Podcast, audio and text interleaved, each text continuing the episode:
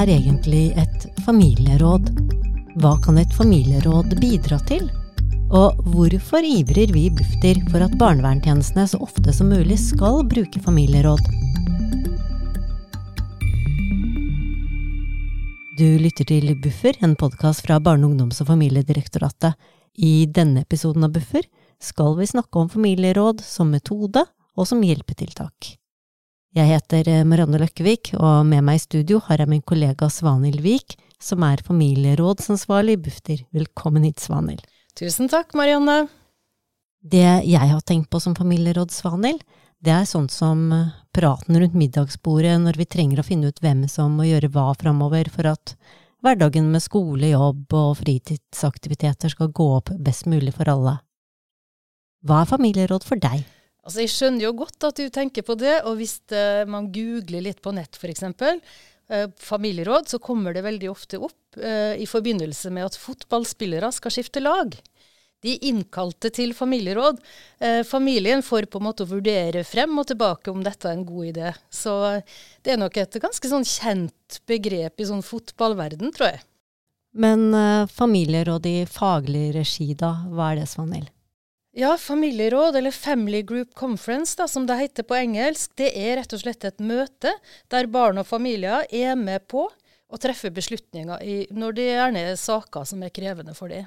Primært i barnevernet, men vi ser nå at stadig flere kommuner tar i bruk familieråd også på oppvekstfeltet. Og arbeidet med familieråd, det er noe både jeg og alle som har møtt deg, vet at du brenner for. Ja, det stemmer. Det er faktisk noe jeg har jobba med siden 2004. Og jeg har nesten ikke hatt en kjedelig arbeidsdag på jobb. Vi kan egentlig springe på jobb med glede, og også dra hjem og tenke at jeg har gjort en liten forskjell for noen. Og da passer det veldig godt å jobbe med en tilnærming da, som bygger på egentlig verdiene som vi har i Bufdir og Bufetat, nemlig råd, som vi kaller det respekt, åpenhet og deltakelse. Og når vi fikk på en måte de verdiene som på en måte våre verdier i Bufdir, så tenkte jeg dette er jo bare helt fantastisk, for det passer jo med familierådsmodellen. Nemlig respekt for andre, og møte de andre der de er. Åpenhet, det som skjer i familierådet, skal være transparent. Du skal vite hvorfor du er der, og hva som skal diskuteres. Og det med deltakelse, både barn og familier de skal på en måte involveres i familierådet både i planlegginga og i gjennomføringa og i oppfølginga av familieråd. Sånn at vi satt da plutselig med en, et familierådsmodell som passa helt med verdiene i Bufdir og Bufetat. Det høres veldig bra ut, men hvorfor jobber Bufdir, og ikke minst du, med familieråd, Svanhild? Bufdir jobber med familieråd fordi at det bestemte departementet i 2006 at familieråd skulle implementeres videre. Og bakgrunnen for det var jo at vi hadde et nasjonalt prosjekt som vi da var så heldige å være med på og leda implementeringsdelen av. Og det man fant, det var at det gikk faktisk bedre med de barna som eh, fikk familieråd, enn de som fikk tradisjonelle metoder. Og kanskje enda mer gledelig var jo det at barn og familier sjøl, 96 og 97 de ville anbefale familieråd til andre, sjøl om de ikke alltid løste alle problemene. Men det var på en måte viktig for den eh, beslutninga om videre implementering. Hvordan fungerer det i praksis? Ja, Et familieråd er jo et møte eh, der de det gjelder, altså barn og familie, de eh, involverer de som er viktige for seg, for å ta beslutninger i vanskelige krevende saker. Det kan være et barn som har det vanskelig på skolen, det kan være situasjoner i barnevernet der det har kommet en bekymringsmelding. Ulike situasjoner som er vanskelig for barn og familier. Og så eh, legger jo på en måte familieråd til grunn at selv om vi som jobber i barnevernet på en måte kan mye om mange ting, så er vi jo ikke eksperter i andre sitt liv. Så vi tenker da at å involvere de som er viktige for barnet og familien, det er helt nødvendig for å rett og slett få, få et bedre beslutningsgrunnlag og treffe bedre løsninger for de det gjelder. Hvor kom ideen til familieråd fra opprinnelig? Ideen kom fra New Zealand eh, på 1980-tallet, og det er egentlig ganske interessant fordi at eh, man hadde erfaring fra at barn fra urfolket maorian de var overrepresentert i barnevernet og blei plassert eh, i hvite familier.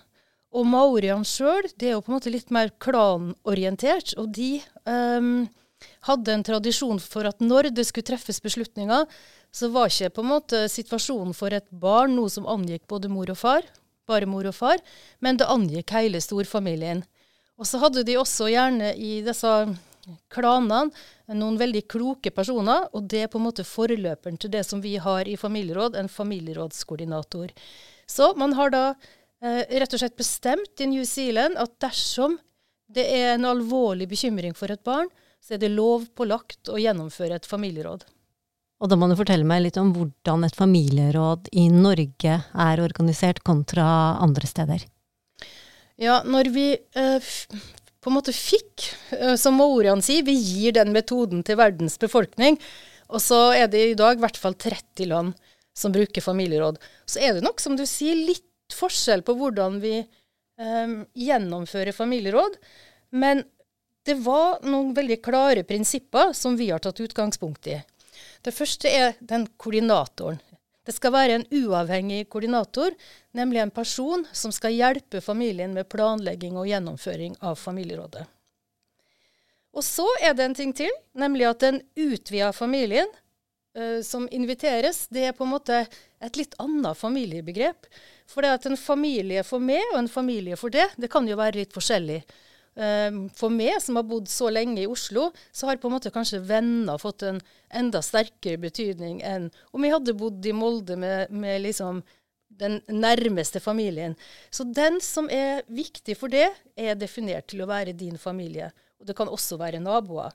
Så det er et prinsipp da, at de, eh, det saken gjelder, den saken gjelder, de inviterer inn de som er viktige for seg.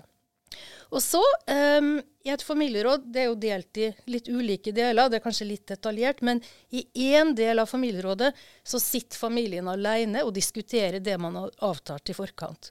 Og så kan man jo lure på hvorfor gjør man det? Det er rett og slett fordi Jeg veit ikke hvordan det er med det, Marianne, men jeg tror mange av oss har en litt tendens til å si det som du tror andre har lyst til å høre. Eller holde litt tilbake. Eller holde litt tilbake. Og det som vi har erfart, er jo at når man sitter og diskuterer, de som har skoen på, da, da kommer det på en måte mye tydeligere frem hva de tenker sine løsningsforslag for akkurat sin familie. Så det er et viktig prinsipp som kanskje skiller seg fra nettverksmøter f.eks., der man ikke har på en måte det skillet mellom at man går ut. Men her sitter jo barnevernet og koordinator på gangen. Sånn at det er jo ikke sånn at man helt, eh, sitter helt alene. Eh, så er det slik at målet med familieråd er å komme frem til en skriftlig plan. Hva skal man gjøre med den situasjonen man er i? Og da har, i barnevernet i den konteksten her, da kanskje, de har tre muligheter. De kan si fantastisk plan, vi går for den, og så sjekker vi hvordan det går i etterkant. Eller de kan si dette forstår jeg ikke helt, vi må ha litt sånn justering og forhandling, forhandlinger på akkurat dette punktet. Eller de kan også si, og det skjer veldig, veldig sjelden, da, at uh, den planen her den ivaretar ikke barnets beste, så den kan vi faktisk ikke godkjenne med det mandatet som vi har. Men i utgangspunktet så er målet med familierådet å komme frem til en konsensus om en skriftlig plan på hva som skal gjøres fremover. Og så kommer vi til det som er litt spesielt med Norge. Vi har tatt disse prinsippene, men jeg ser på rolla mi som egentlig en litt sånn oversetter. Når det kommer en veldig god metode fra et annet land, så trenger man jo å tilpasse den til det landet man bor i. Og i Norge så står jo barns rettssikkerhet sterkt. Eh, og da blir det veldig viktig å ha en tydelig modell for hvordan barn, og for så vidt også familier, skal involveres og inkluderes. Så det betyr at vi i Norge har en modell for deltakelse som mange andre land er kjent med, og som våre naboland bruker aktivt. Så det er liksom et ekstra prinsipp som vi har lagt på. Og så kom det siste prinsippet, som også jeg tror har fått på en måte gjenklang rundt omkring, i hvert fall i Europa, nemlig at et, at et familieråd det er ikke bare et enkelt møte, men det er en prosess. Og ja, i hvert fall så er jeg litt slik at hvis de går for noe og blir enige om noe, så kan det holdes så lenge. Men dersom det er noen som sitter litt på skuldra mi og spør hvordan det har gått, og jeg må svare litt for det, så er det mye lettere å holde meg liksom på plana, da. Så oppfølgende familieråd, det er normalen i Norge, og det har også forskninga vist at det er en god idé. Nå har du trukket fram barnas deltakelse og medbestemmelse. Hva er det barna får bestemme i forkant av et familieråd som gjelder dem? Ja, barnet er med på å definere hva som skal diskuteres. Eh, de er med på å bestemme hvem skal inviteres i dette familierådet.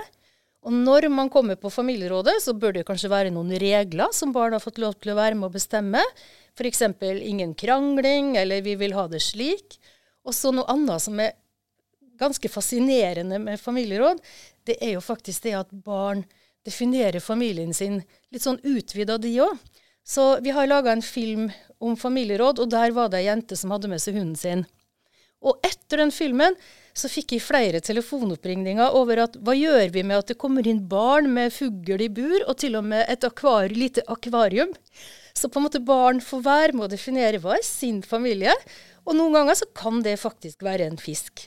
Men så kommer det noe som vi ikke hadde tenkt så mye på, men som betyr mye, nemlig mat. For å få til god stemning så vet vi jo det at god mat gjør noe med oss. Og i et familieråd så er barnet med på å bestemme hva skal vi spise. Og det er ikke slik at alle vil ha pizza, selv om noen tror det. Vi har også hatt eh, ja, vi har hatt pinnekjøtt til jul, vi har hatt sushi. Vi har hatt familier som har med seg sin mattradisjon inn i familierådet, og man kommer. Og da blir jo et familieråd litt som et rituale. Så, så, tenker jeg at barn de skal være med i hele prosessen, men så må vi ikke glemme av en kjempeviktig ting. De skal også være med etter at man har tatt en beslutning. Er vi sikre på at barnet på en måte har fått med seg det vi har blitt enige om, og er det skrevet ned? Så jeg tenker at familierådet bidrar faktisk til å gjennomføre forskrift om medvirkning. Men helt konkret, hva slags saker kan man bli enige om i et familieråd? Som vi sa litt innledningsvis, så brukes jo familieråd i mange andre kontekster enn barnevern i andre land. Uh, og vi har jo sett en utvikling, som vi sa også her i Norge, til at du bruker det i forhold til skoleutfordringer på helsestasjon. Men hvis vi skal konsentrere oss nå her om barnevernssaker, så var det slik at vi kanskje innledningsvis jobba mest med familieråd i fosterhjemssaker og rekruttering og forløp. Og så ser vi det nå, at vi bruker det i alle faser av en barnevernssak. Fra en undersøkelse til ettervern. Sånn at jeg vil si at i alle typer saker i barnevernet. Gi noen eksempler på hva de som er i nettverket rundt, kan bidra med i en barnevernssak, og som man kan bli enige om på et familieråd. Jeg vil si at det er hele spekteret av typer saker.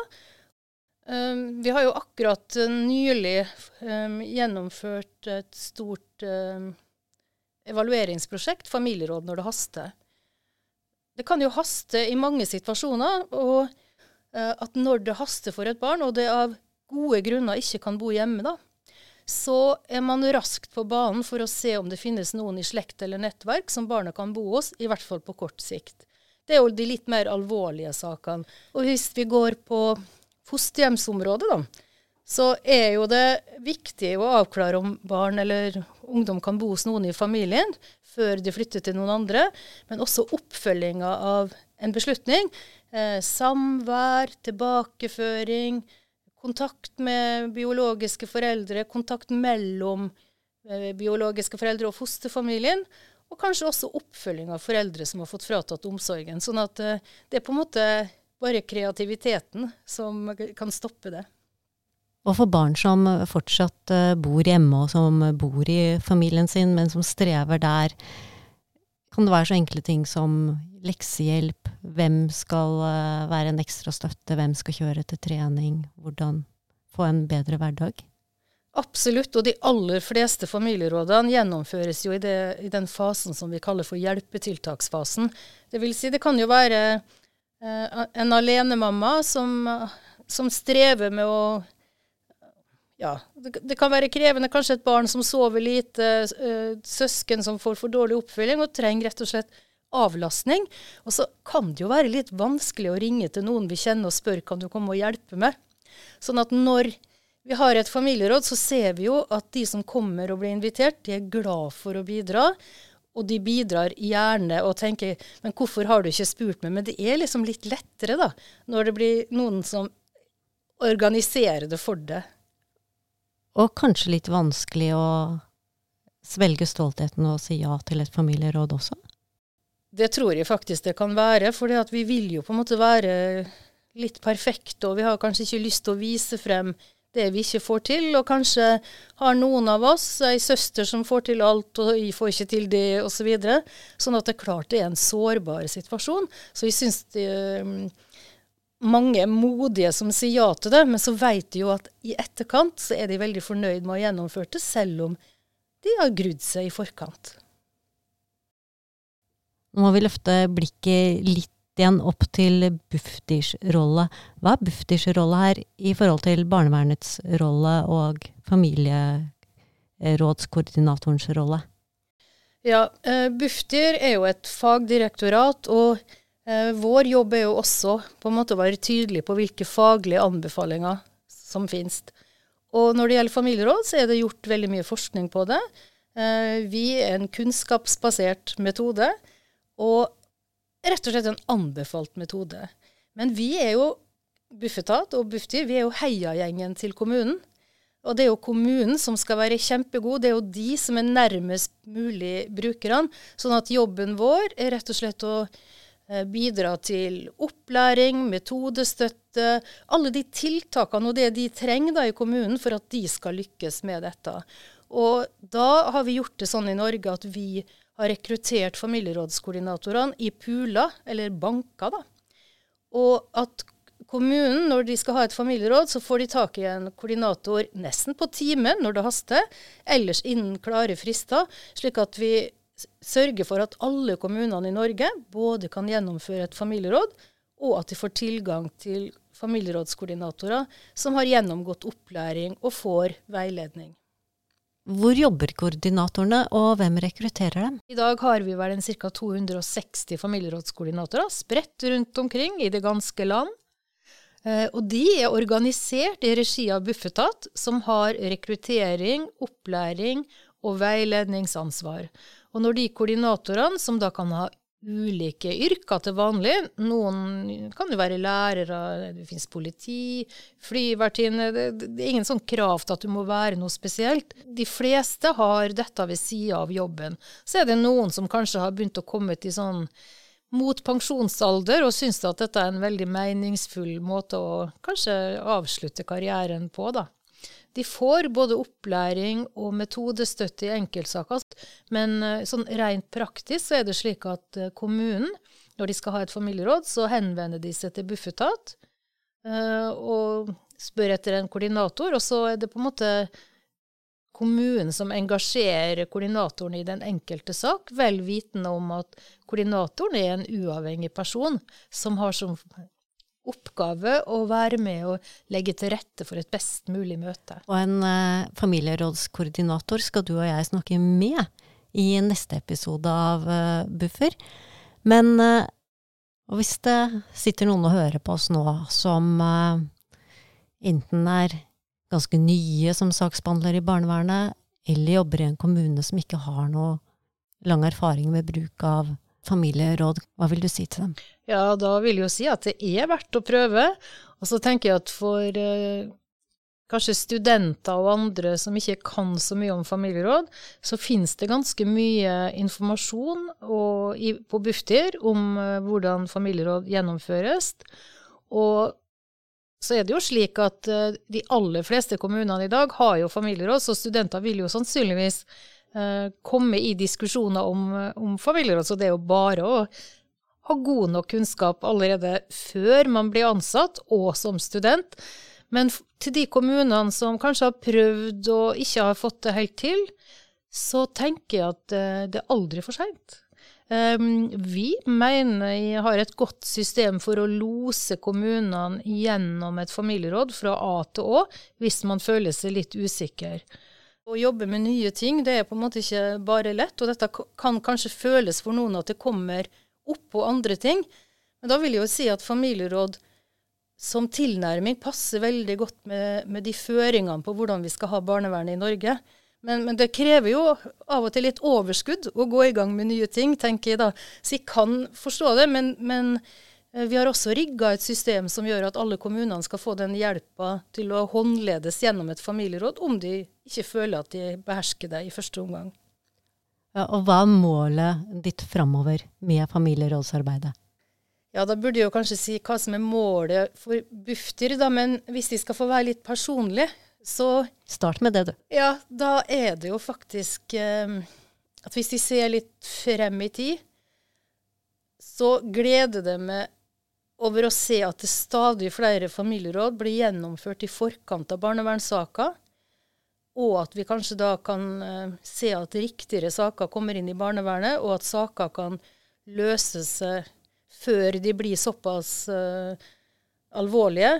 Og En annen ting jeg kom på som på en måte er kanskje litt viktig i familierådssammenheng, det er det med at vi skal ikke være så redd for konflikter.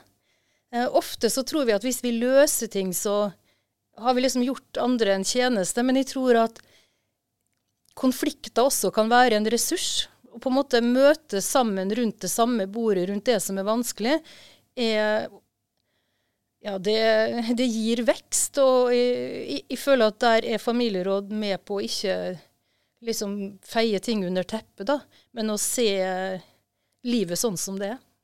Tenker du på familieråd litt sånn som på konfliktrådene?